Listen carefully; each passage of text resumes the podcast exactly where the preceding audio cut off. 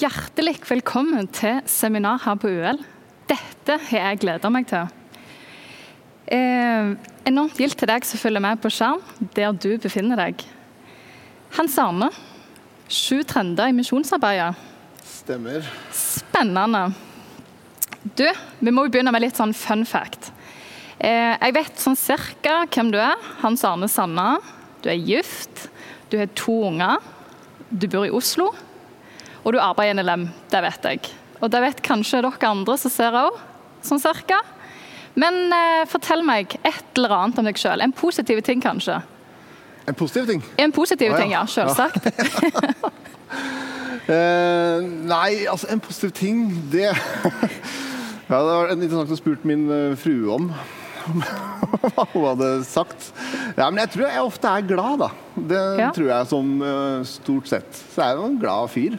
Ja. fornøyd. Du virker jo til å være veldig sånn laidback. Jeg syns jo det er positivt, da. Ja. For du virker jo ikke være typen som stresser. Nei, det, da blir jeg jo stressa hvis jeg stresser for Ja, ja. mye. Og det tenker jeg, det kan man jo ikke gå gjennom livet med og bare å, å stresse. Så prøv å ta det litt rolig, ja. Ja. Veldig bra. Du, til vanlig så arbeider du som leder for NLM Utland. Hva, hva gjør du da? Hva er arbeidet ditt sånn? Du, da er det på kontoret i Oslo så er det kan si, ansvarlig for den avdelinga som jobber med utenlandsarbeidet, alt misjonsarbeidet. Alle misjonærene som er ute, alle prosjekter vi har, bistandsprosjekter, eh, kirkeoppfølging, alt mulig som den enkelte jobber med, så man da, jobber man med det og leder den avdelinga. Så det er veldig spennende, givende og veldig takknemlig for å kunne få lov til å stå i den stillinga. Et stort ansvar, med andre ord. Ja, men vi gjør det sammen med fryktelig mye bra folk, da. Ja. Så vi er et utrolig bra team som eh, sammen eh, utover hele verden eh, jobber med misjonsarbeidet i NLM. Ja. Du, når vi er innom misjon, siden årets tema er jo global. Men hvorfor skal vi drive misjonsarbeid? Og det skal jeg snakke ganske mye om etterpå. Ja. For jeg tenker det er veldig viktig.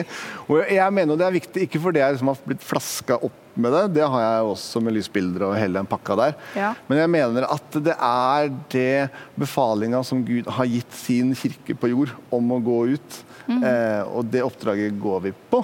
Eh, og så gir det også veldig mening når man står i det. Vi gjør det ikke bare fordi gå, men vi gjør det fordi vi, vi ser at det å kunne dele evangeliet gjør også noe med mennesker. Det endrer menneskers liv eh, rundt omkring i verden. Ja, kult. Veldig bra. Men en ting jeg har hørt om deg. Du er jo kanskje en type som tar litt utfordringer. Og så har jeg hørt rykter om at du har gitt vassaloppe. Ja. Det, det var jeg dum nok til å si ja til hvis de samla inn nok penger til misjonsprosjekt. Men jeg tenker siden vi er på UL, eh, er det ikke noe sånn, ble du ikke litt trigga hvis vi liksom samler inn sinnssykt mye penger, eller liksom et eller annet kult? Det er ikke sånn du hiver deg på en ny utfordring? Eh, jeg sier aldri nei. Jo, det gjør jeg. Det hender. Det hender. Men ja, hvis du kommer opp med noe lurt Ja, det får jeg tenke litt på. Å nei, nå gjør jeg noe dumt. Ja, det er gøy. Utfordring har vi dit. Du, før du skal få slippe til, så har jeg lyst til at um, vi skal be eh, for deg og for det du skal dele. Så dere som er hjemmefra, vær med og be. Takk, Jesus, for at du er her nå. Jesus, takk for at du kjenner Hans Arne. Jesus, takk for den brannen du har lagt ned i han, engasjementet og eh, inspirasjonen og etterfølgelsen og leng lengselen Jesus av å dele evangeliet med andre. Jesus, takk for arbeidet han driver. Takk for at uh, du har lagt noe på hjertet nå som han skal dele med oss. Jesus, du vet hva han trenger. Jeg bare ber om at du må fylle hans arne med din fred og din hellige ånd og din styrke, Jesus. Hjelp oss som hører på, og ta inn over oss hva du trenger oss til, Jesus. Du kjenner oss som skal lytte, og du, Jesus, er bruk for hver og en. Så Jesus, jeg bare ber om at du er til stede nå. Ditt navn. Amen. Amen. Tusen takk. Da er det en veldig veldig stor eh, glede jeg sier for meg å få lov til å kunne dele dere, med dere litt om eh, altså Syv trender er tema, da. Syv trender i misjonsarbeidet. Eh, vi kan vel, altså Trender og trender. altså Noe av det her er nok trender, men det er kanskje vel så mye syv ting jeg tenker er veldig viktig for vårt misjonsarbeid i NLM, og hvordan vi skal jobbe fremover. Og Vi må jo hele tida liksom ta inn over oss at verden er i en endring, at det skjer ting, ting endrer seg. Og Hvordan påvirker det vårt arbeid? Det er det på mange måter mye av det jeg skal dele med dere. Og så er det jo noen trender som aldri går av mote, da. Jeg vil jo påstå at det er noen eh, trender som har vært helt like i 2000 år. og Det skal jeg også komme litt tilbake til etter hvert. Men før jeg skal liksom hive meg løs på de syv punktene jeg hadde lyst til å dele med dere, så har jo det, alt dette har jo et utgangspunkt. Altså Vi driver jo ikke og, og ser på hvordan verden utvikler seg for moro skyld. Vi gjør det fordi vi tror vi er kalt av Gud til å gå ut, og vi ønsker å vite hvordan verden ser ut. Eh, og Jeg skal gi dere tre bibelvers helt i starten, som er grunnlaget for hvorfor vi gjør det vi gjør. Og Det første er et veldig veldig kjent vers eh, i Johannes evangeliet, Johannes 3, 16, eh, hvor det står For så høyt har Gud elsket verden, at han gav sin sønn den enbårne, for at hver den som tror på ham, ikke skal gå fortapt, men ha evig liv. Guds frelsesplan.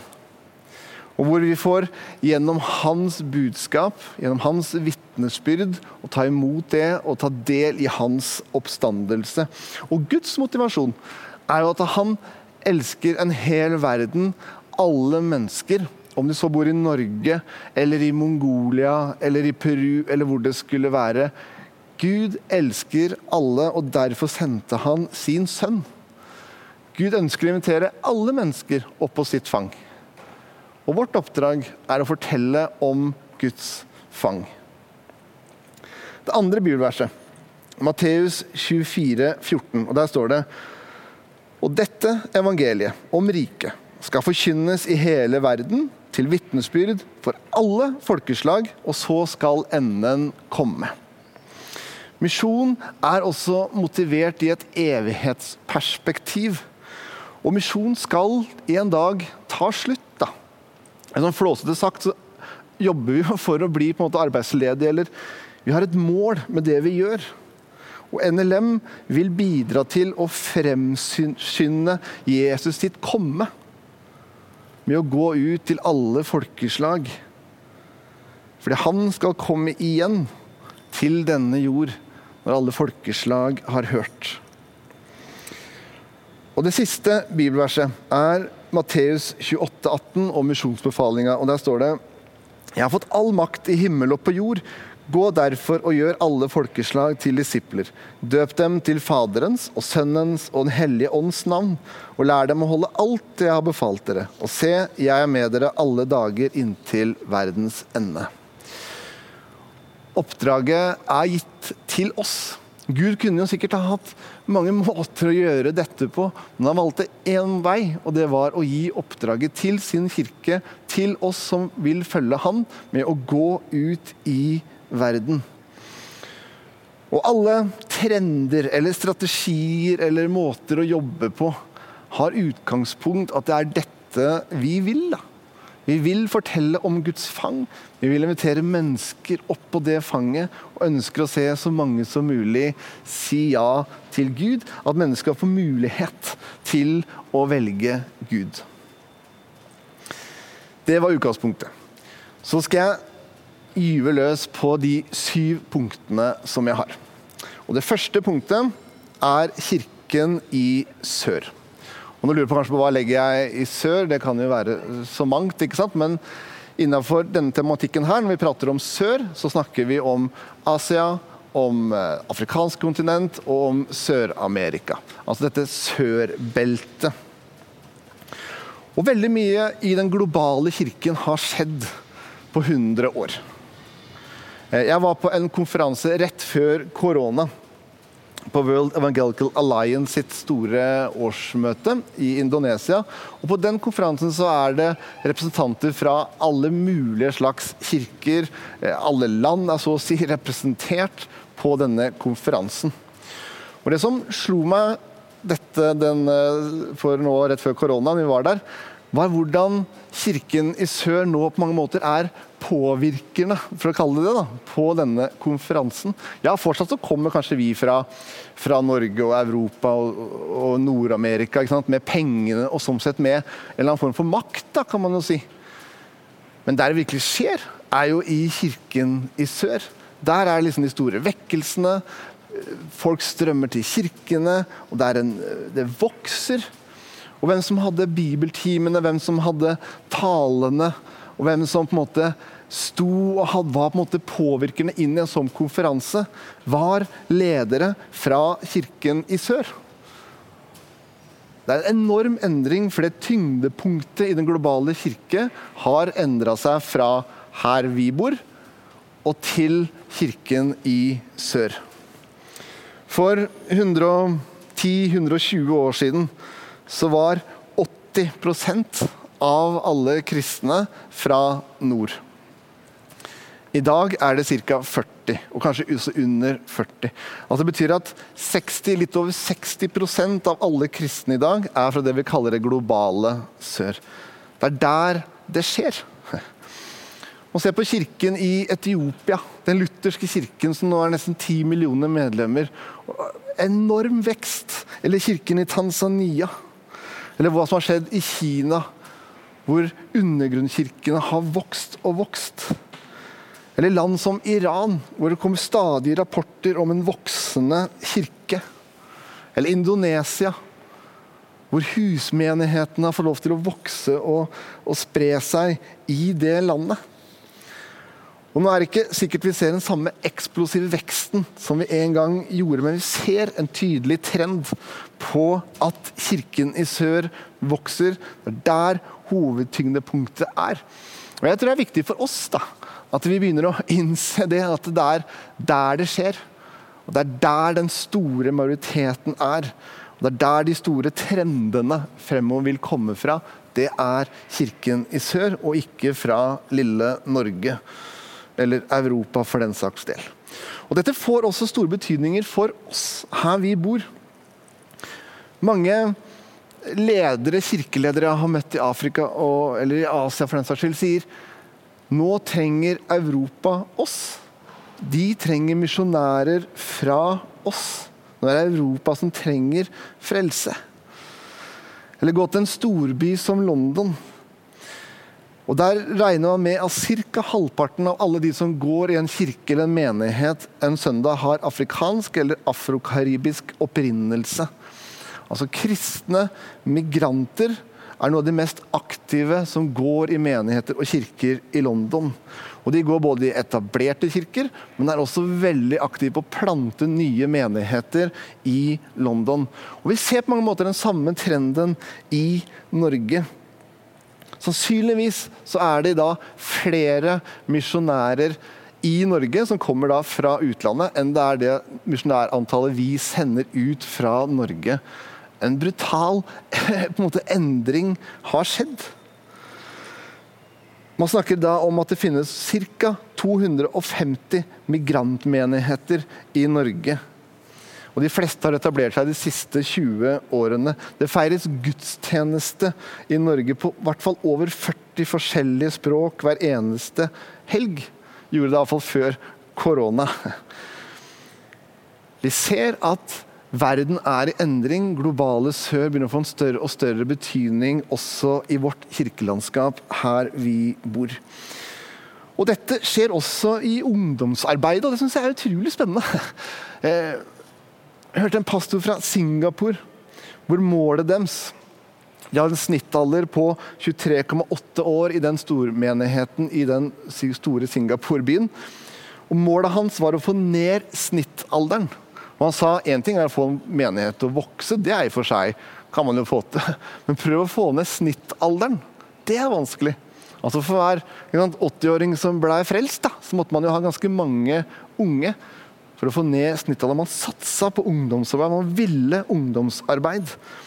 Det er også en trend som jeg i hvert fall opplever at jeg ser mer og mer. At man tar tak i ungdomsarbeid på en utrolig spennende måte i kirken i sør. Og hva slags betydning får dette for vårt misjonsarbeid, for NLM sitt misjonsarbeid? Jeg tror vi vil mye mye mer framover se at vi jobber sammen med Kirken i sør. og Det kommer til å gå litt igjen i dette seminaret. Eh, vi ser det allerede. Vi har partnere med organisasjoner hvor det er 12-13-14 forskjellige land representert i denne partnerorganisasjonen der vi jobber. Og De kommer fra så å si hele verden, alle kontinenter. Vi ser det at Små, forfulgte menigheter utfordrer oss til å eh, bidra med bønn i dems misjonsarbeid for det de vil sende. Så går vi sammen. Og vi ser at vi nå i Norge jobber med misjonærer som f.eks. kommer fra Egypt. Det å jobbe sammen med Kirken i sør vil få en større og større betydning. Det var den første trenden, den globale sør. Så den andre som jeg har lyst til å nevne, og det er urbanisering. Og ikke minst at det er masse eh, unge mennesker som flytter inn i byer. Og vet, Her i Norge så er vi ofte opptatt av liksom, før korona, da, folkevandringa fra sør til nord. Men ser vi det globale sør, så er jo den store folkevandringa fra landsby til by. Går vi tilbake til 1950, så bodde ca. 30% av verdens befolkning i byer. I dag så er det over 55% som bor i byer. Altså flertallet av verdens befolkning bor i byer. Og Byer fungerer på mange måter som et hjerte. Da hjertet pumper blodet inn og ut, så pumper byen mennesker inn og ut av byen. Og Noen er der lenge, noen er der kort. Jeg flytta til Oslo da jeg var 20, tenkte jeg skulle være der sikkert ganske kort. Er der ennå, har blitt lenge. Men det kan jo gjøre det vanskelig å bygge menighet, f.eks. Altså at folk stadig vekk er ut og inn av byene. Men det er også enorme muligheter for global mosjon i de store byene. Fordi mennesker flytter til byen. Og da flytter de ikke bare fra noe, men de flytter til noe. De ønsker en endring, de ønsker kanskje nye ideer, de ønsker kanskje en ny start. Og det kan ofte hende tror jeg, at de gir slipp på noen bånd som de hadde. Og så er man åpne for andre ting, f.eks. evangeliet og frelsen i Jesus Kristus. Og Misjon fremover må ha en strategi for å nå de store byene, for å nå byene. Vi kan ikke evangelisere verden uten å tenke byer. Og så er det en utfordring for oss som organisasjon at vi også vil nå så langt ut på landsbygda som mulig, og samtidig være midt i de store byene. Eh, Mysjologer prater ofte om at det er fire gode grunner, eller viktige grunner til at de skal gå til byer. For det første så bor det veldig mye unge folk i byer. altså Neste generasjon har ofte trekket seg til byer og bor i byer. Vi ser også at de unådde, unådde folkegruppene Veldig ofte så er de alle representert i byene. Vi ser at eh, det vi kan kalle påvirkerne, eller altså, sånn politikerne, influenserne Nå tenker jeg ikke på bloggere, liksom, men altså de som har en viktig stemme i samfunnet, veldig ofte bor i byene. Det kan være viktig for Kirken å, å nå de. Og vi ser at det oftest er de aller, aller fattigste bor i byer. Mennesker bor i byer, og Gud elsker byer. Eh, jeg er fascinert av historien om Jonah. Jonah har vært i byen Nineve. Og så sitter han under en busk som Herren har latt gro opp. Og denne busken kaster skygge over ham, og så er han så utrolig glad i denne busken. Det er helt utrolig hvor glad han er i den busken. Men så visner busken, og Jonah blir rasende fordi denne busken visner. Og da sier Gud, er du virkelig så sint pga. en risinusbusken?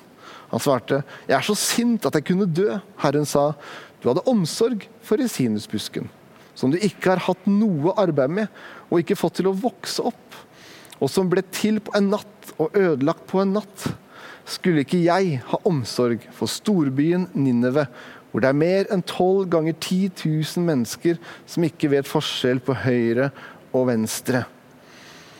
Poenget med historien er at Gud har skapt alle mennesker. Han har sett alle mennesker vokse opp, og Gud elsker alle mennesker. De som bor lengst mulig ut på landsbygda, og de som bor midt i byen. Og når åtte millioner mennesker flytter inn til byen ca. hver andre måned, altså det er en ny Bangkok hver andre måned, så må vi som misjon se byene, og også gå til byene. Og så er ikke det lett. Det kan være ganske vanskelig. Jeg kommer fra Sandefjord, det er en ganske liten by. Også fra bygda til og med, i Sandefjord. Og skulle jeg planta en menighet i Sandefjord, så tror jeg det ville vært ganske annerledes enn midt i Oslo sentrum, f.eks. Addis i Etiopia er ganske annerledes enn eh, ut på landsbygda i Etiopia. Og kanskje må vi tenke veldig annerledes når vi jobber i byer. Vi må være enda mer obs på de ulike kulturene. Obs på at det er store endringer. Være åpen for endringer. Være villig til å samarbeide med mange. Fordi Skal vi nå byen, så må vi gjøre det sammen med andre. Men vi vil nå også de store byene. Det var de to trendene jeg også ville bruke absolutt mest tid på. Det globale sør, hva som skjer i det store kirkelandskapet, og urbanisering. Mitt tredje punkt, trend, eller kall det hva du vil, er at mennesker hele tiden er i bevegelse. Og Her tenker jeg spesielt på at vi har sett mennesker som flytter for å jobbe andre steder. Det kan være den norske eh, ingeniøren som jobber med olje, som flytter til et annet land. Eller det kan være læreren som flytter til Spania, ikke sant? Who knows? Eller det kan være businessfolka som flytter. Mange reiser for å jobbe andre steder. Og Det ser vi også i kirken i sør, eller i sør, at mange flytter over landegrenser for å jobbe andre steder. Og jeg, jeg tror jeg ble sånn ekstra oppmerksomhet på den tematikken for noen år siden. Hvor det var en, en person som tok kontakt fordi han skulle i noen to-tre måneder jobbe eh, på et universitet i et land som, hvor, hvor kirke er forbudt, misjon er forbudt osv. Tok han kontakt. Kan dere være med og, og, be for meg og støtte meg når jeg nå skal være der inne, slik at jeg kan være en, en, en teltmaker? Og Den historien og det som skjedde, har på en måte aldri forsvunnet fra meg. Og så har vi siden i NLM jobba med hvordan kan vi eh, bruke de ressursene da, som hele tida forflytter seg, ikke bare fra Norge, men fra alle steder til alle steder i verden, for å jobbe. Til å nå ut til verdens ende.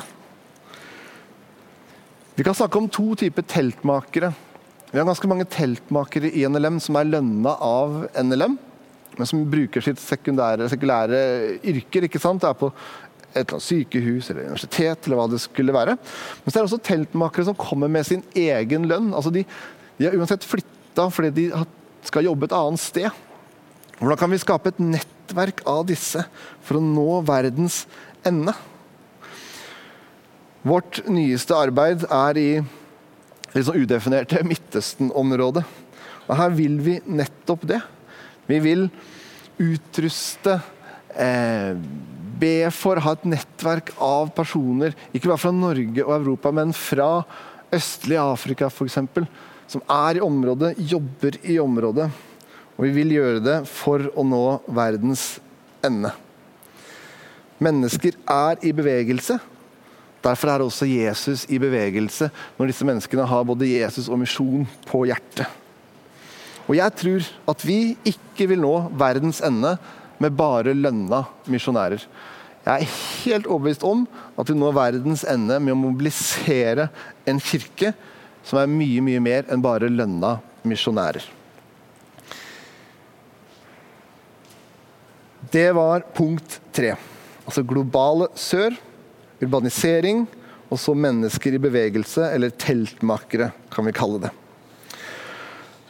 Det fjerde trenden er krevende områder.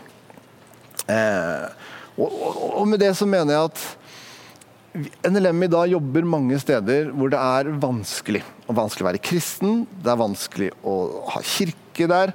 Og det er vanskelig ikke minst å være misjonær. Man får ikke visum for misjonær disse stedene. Men de aller fleste gruppene hvor det er altså vi kaller unåde, hvor det er små eller ingen kirker, er også områder hvor det er krevende å jobbe. Det er krevende å helt tatt si navnet Jesus i disse områdene. Og da tror jeg altså vi må være enda mer eh, kreative da, i måten vi jobber på. Bruke teknologi f.eks. på en ny måte. Vi er utrolig glad for sånn som eh, Norea hos oss, som bruker TV, radio osv. for å nå inn til disse områdene. Eh, en ting som vi har gjort i NLM, er at vi har begynt å jobbe mer og mer med noe som heter Business as Mission. Altså at vi driver en eller annen form for business et eller annet sted, og de som jobber med det, har visum gjennom å drive med denne businessen. Og da opplever vi at vi kan være med å skape arbeidsplasser. Vi får et uh, naturlig og fint visum inn til et område. Man kan eh, oppleve man blir en sånn naturlig del av en lokalbefolkning fordi man driver business der. Vi har f.eks. i ett land starta et sånt lite hotell og hotellet har bare noen år fått en veldig sånn naturlig og fin plass.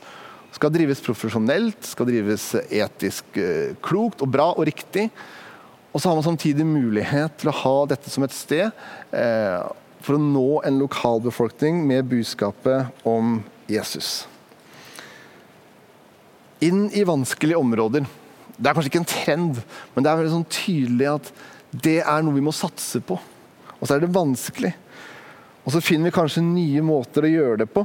Men så er vi også avhengig av at mennesker er kreative og bruker sine egenskaper.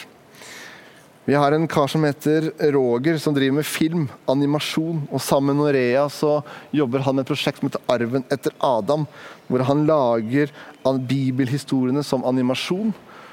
Og han gjør det på swahili for å nå ut til enda flere i Øst-Afrika. Til å nå ut til barn og unge i det østlige Afrika. Og Vi har mange eksempler på mennesker som bruker sine gudgitte gaver for å nå ut med budskapet. Det var vanskelige områder. Da har jeg vært igjennom fire, og jeg har tre ting igjen.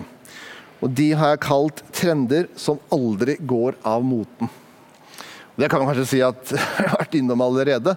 Men tre ting som er helt grunnleggende i måten vi jobber på i dagens misjonsvirkelighet. Og Det femte punktet blir da vi skal faktisk fortsatt vitne om Jesus. Tenk, det er liksom fortsatt på moten. Det er trenden, og det er helt avgjørende for vårt misjonsarbeid. Det står i Apostelens gjerninger 1,8.: Og dere skal være mine vitner i Jerusalem og hele Judea, i Samaria og helt til jordens ender. Det er kirkens ansvar. Det er oss kristnes ansvar til å vitne ut til denne verden. Jeg hørte en bibeltimeholder på konferanse fra India. CB Samuel, en gammel, fantastisk mann. Og så sa han du har ikke rett til å kalle deg kirke om den ikke er misjonal. Altså at den ikke er med og vitner ut i verden. Og for å være misjonal så handler det om at vi skal vitne både til Jerusalem, til Judea, til Samaria og helt til verdens ende. Vi skal vitne her vi bor, til vårt nabolag, til storbyen, storområdet eller hvor det er, til landet vi bor i, men også til verdens ende. Og Jeg tror det er helt grunnleggende i alt kirkelig arbeid at vi som er en del av kirken, og også kirken, skal vitne til her vi bor, men også hele tida ha verdens ende med oss når vi eh, skal jobbe. Hvordan kan vi klare å nå nabolaget vårt, og hvordan kan vi klare å nå ut til verdens ende? Og Min drøm for Misjonssambandet er at alle menigheter, alle fellesskap, leirer, happenings, alt, skoler osv., osv. jobber ut fra en slik misjonal tenkning. Vi skal nå her vi er nå, og så skal vi nå verdens ende. Og når Jesus forklarer sitt gudsrike, hvordan det skal utbres her på denne jorden, så ser vi at det er så annerledes. Det er så annerledes enn alt annet. Det skal ikke erobres av soldater, men det skal spres gjennom vitner. Det kommer ikke ved bruk av våpen, men ved Den hellige ånd. Det er ikke en, en, krigserklæring, men det er fredens evangelium. Det er ikke et politisk rike, men det er et åndelig rike som spres igjennom vitner. Deg og meg. Og vi har et vitneansvar om vi bor her i, i Norge, eller om det er Mongolia, eller hvor det skulle være. Så har vi et vitneansvar. Vi har vi sender ut misjonærer. vi sender ut til liksom, mange land, i forskjellige deler av verden. Og oppgavene ser så utrolig forskjellige ut. Noen er lærere, andre er leger. Eh, kanskje noen er mekanikere. Altså, det er et mangfold av yrker og oppgaver. Og For noen så kan det å dele vitnesbyrdet være én til én på et universitet. Eller på den jobben man er. Det kan være med naboen over en eller annen hekk. Det kan være uten ord, fordi å si Jesus med en gang en plass er umulig. Det kan være den diakonale tjenesten. Eller det kan være foran tusenvis i en enorm kirke i Etiopia. Eller det kan være den lille, hemmelige huskirken. Det ser så utrolig forskjellig ut. Men målet er akkurat det samme uansett. Peke på Jesus der vi bor, og der vi jobber. Ja, uhell for et år siden. Et sterkt møte når eh, Hans Christian Skaar hadde oppe disse vennene til tidligere generalsekretær Egil Grandhagen for å snakke om eh, hvordan de var med og vitne til han, og hvordan han tok imot Jesus. Også denne jenta som også Egil Grandhagen fikk lov til å vitne til og få lov til å følge. Vi vitner gjennom hele livet når vi tror på Jesus. Vi vitner der vi bor.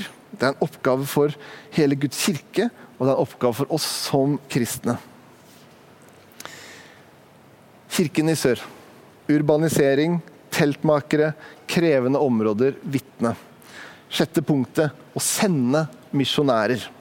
Fra alle steder til alle steder.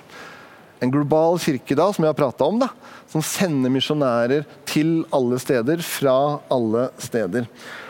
Og For oss så er det utrolig viktig å fortsatt sende misjonærer. Jeg, jeg, jeg, er kjempeglad i, i, være kreativ, altså ny teknologi. Jeg har under korona lært at det finnes internett. altså Mye spennende på den fronten. Men jeg vil alltid holde fast på at den aller viktigste ressursen vi har i vårt arbeid, er mennesker og mennesker alene. Det er det viktigste. Det å, å sitte sammen med naboen og spise middag er det aller viktigste man kan gjøre. Å møtes ansikt til ansikt. Og jeg tror det var som Jesus jobba.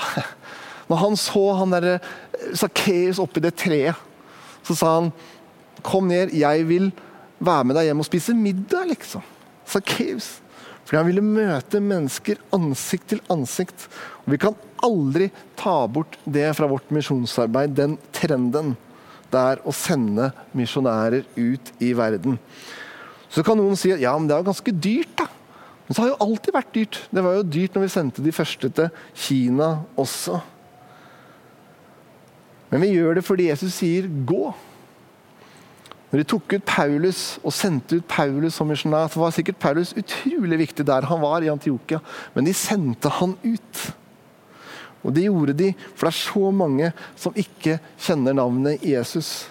Og i dag så er det over tre milliarder mennesker sannsynligvis som ikke kjenner navnet Jesus. Derfor skal vi sende misjonærer. Og mitt siste punkt til hvem? Skal vi først og fremst sende til. For oss er det kjempeviktig å jobbe med etablerte kirker kirker som vi på en eller annen måte har vært med å plante gjennom historien osv. Hvor vi kan få lov til å jobbe med opplæring, lederutdanning osv. osv. Samtidig så er vi, og skal være, en organisasjon som utfordres og dras videre til nye områder av verden hvor få eller ingen kjenner Jesus. Og Det skal ligge i vårt DNA som organisasjon. Og Det skal det gjøre fordi det er vår historie, det er vår tradisjon. Men først og fremst så er det vår bibelforståelse og misjonsforståelse som gjør at vi skal dras til nye områder av verden. Det sies i dag at det finnes ca. Ja, rundt 7000 det vi kaller unådde grupper. Hva er unådde folkegrupper, tenker du kanskje? En definisjon er de mangler nok kristne og ressurser til å evangelisere til sitt eget folk. De gruppene skal vi dra til.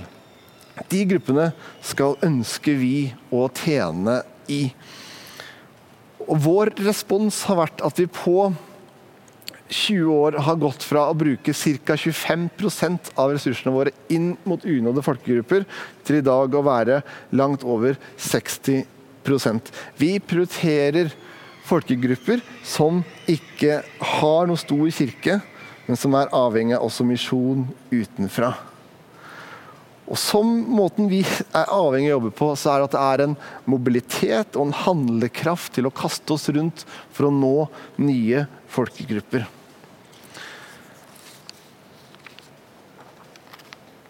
Og det gjør vi fordi vi tror på vitnesbyrdet om Jesus. Vi tror at mennesker som møter mennesker, kan få en avgjørende betydning i menneskers sine liv. For så høyt har Gud elsket verden. Det er vårt utgangspunkt. Gud elsker det han har skapt.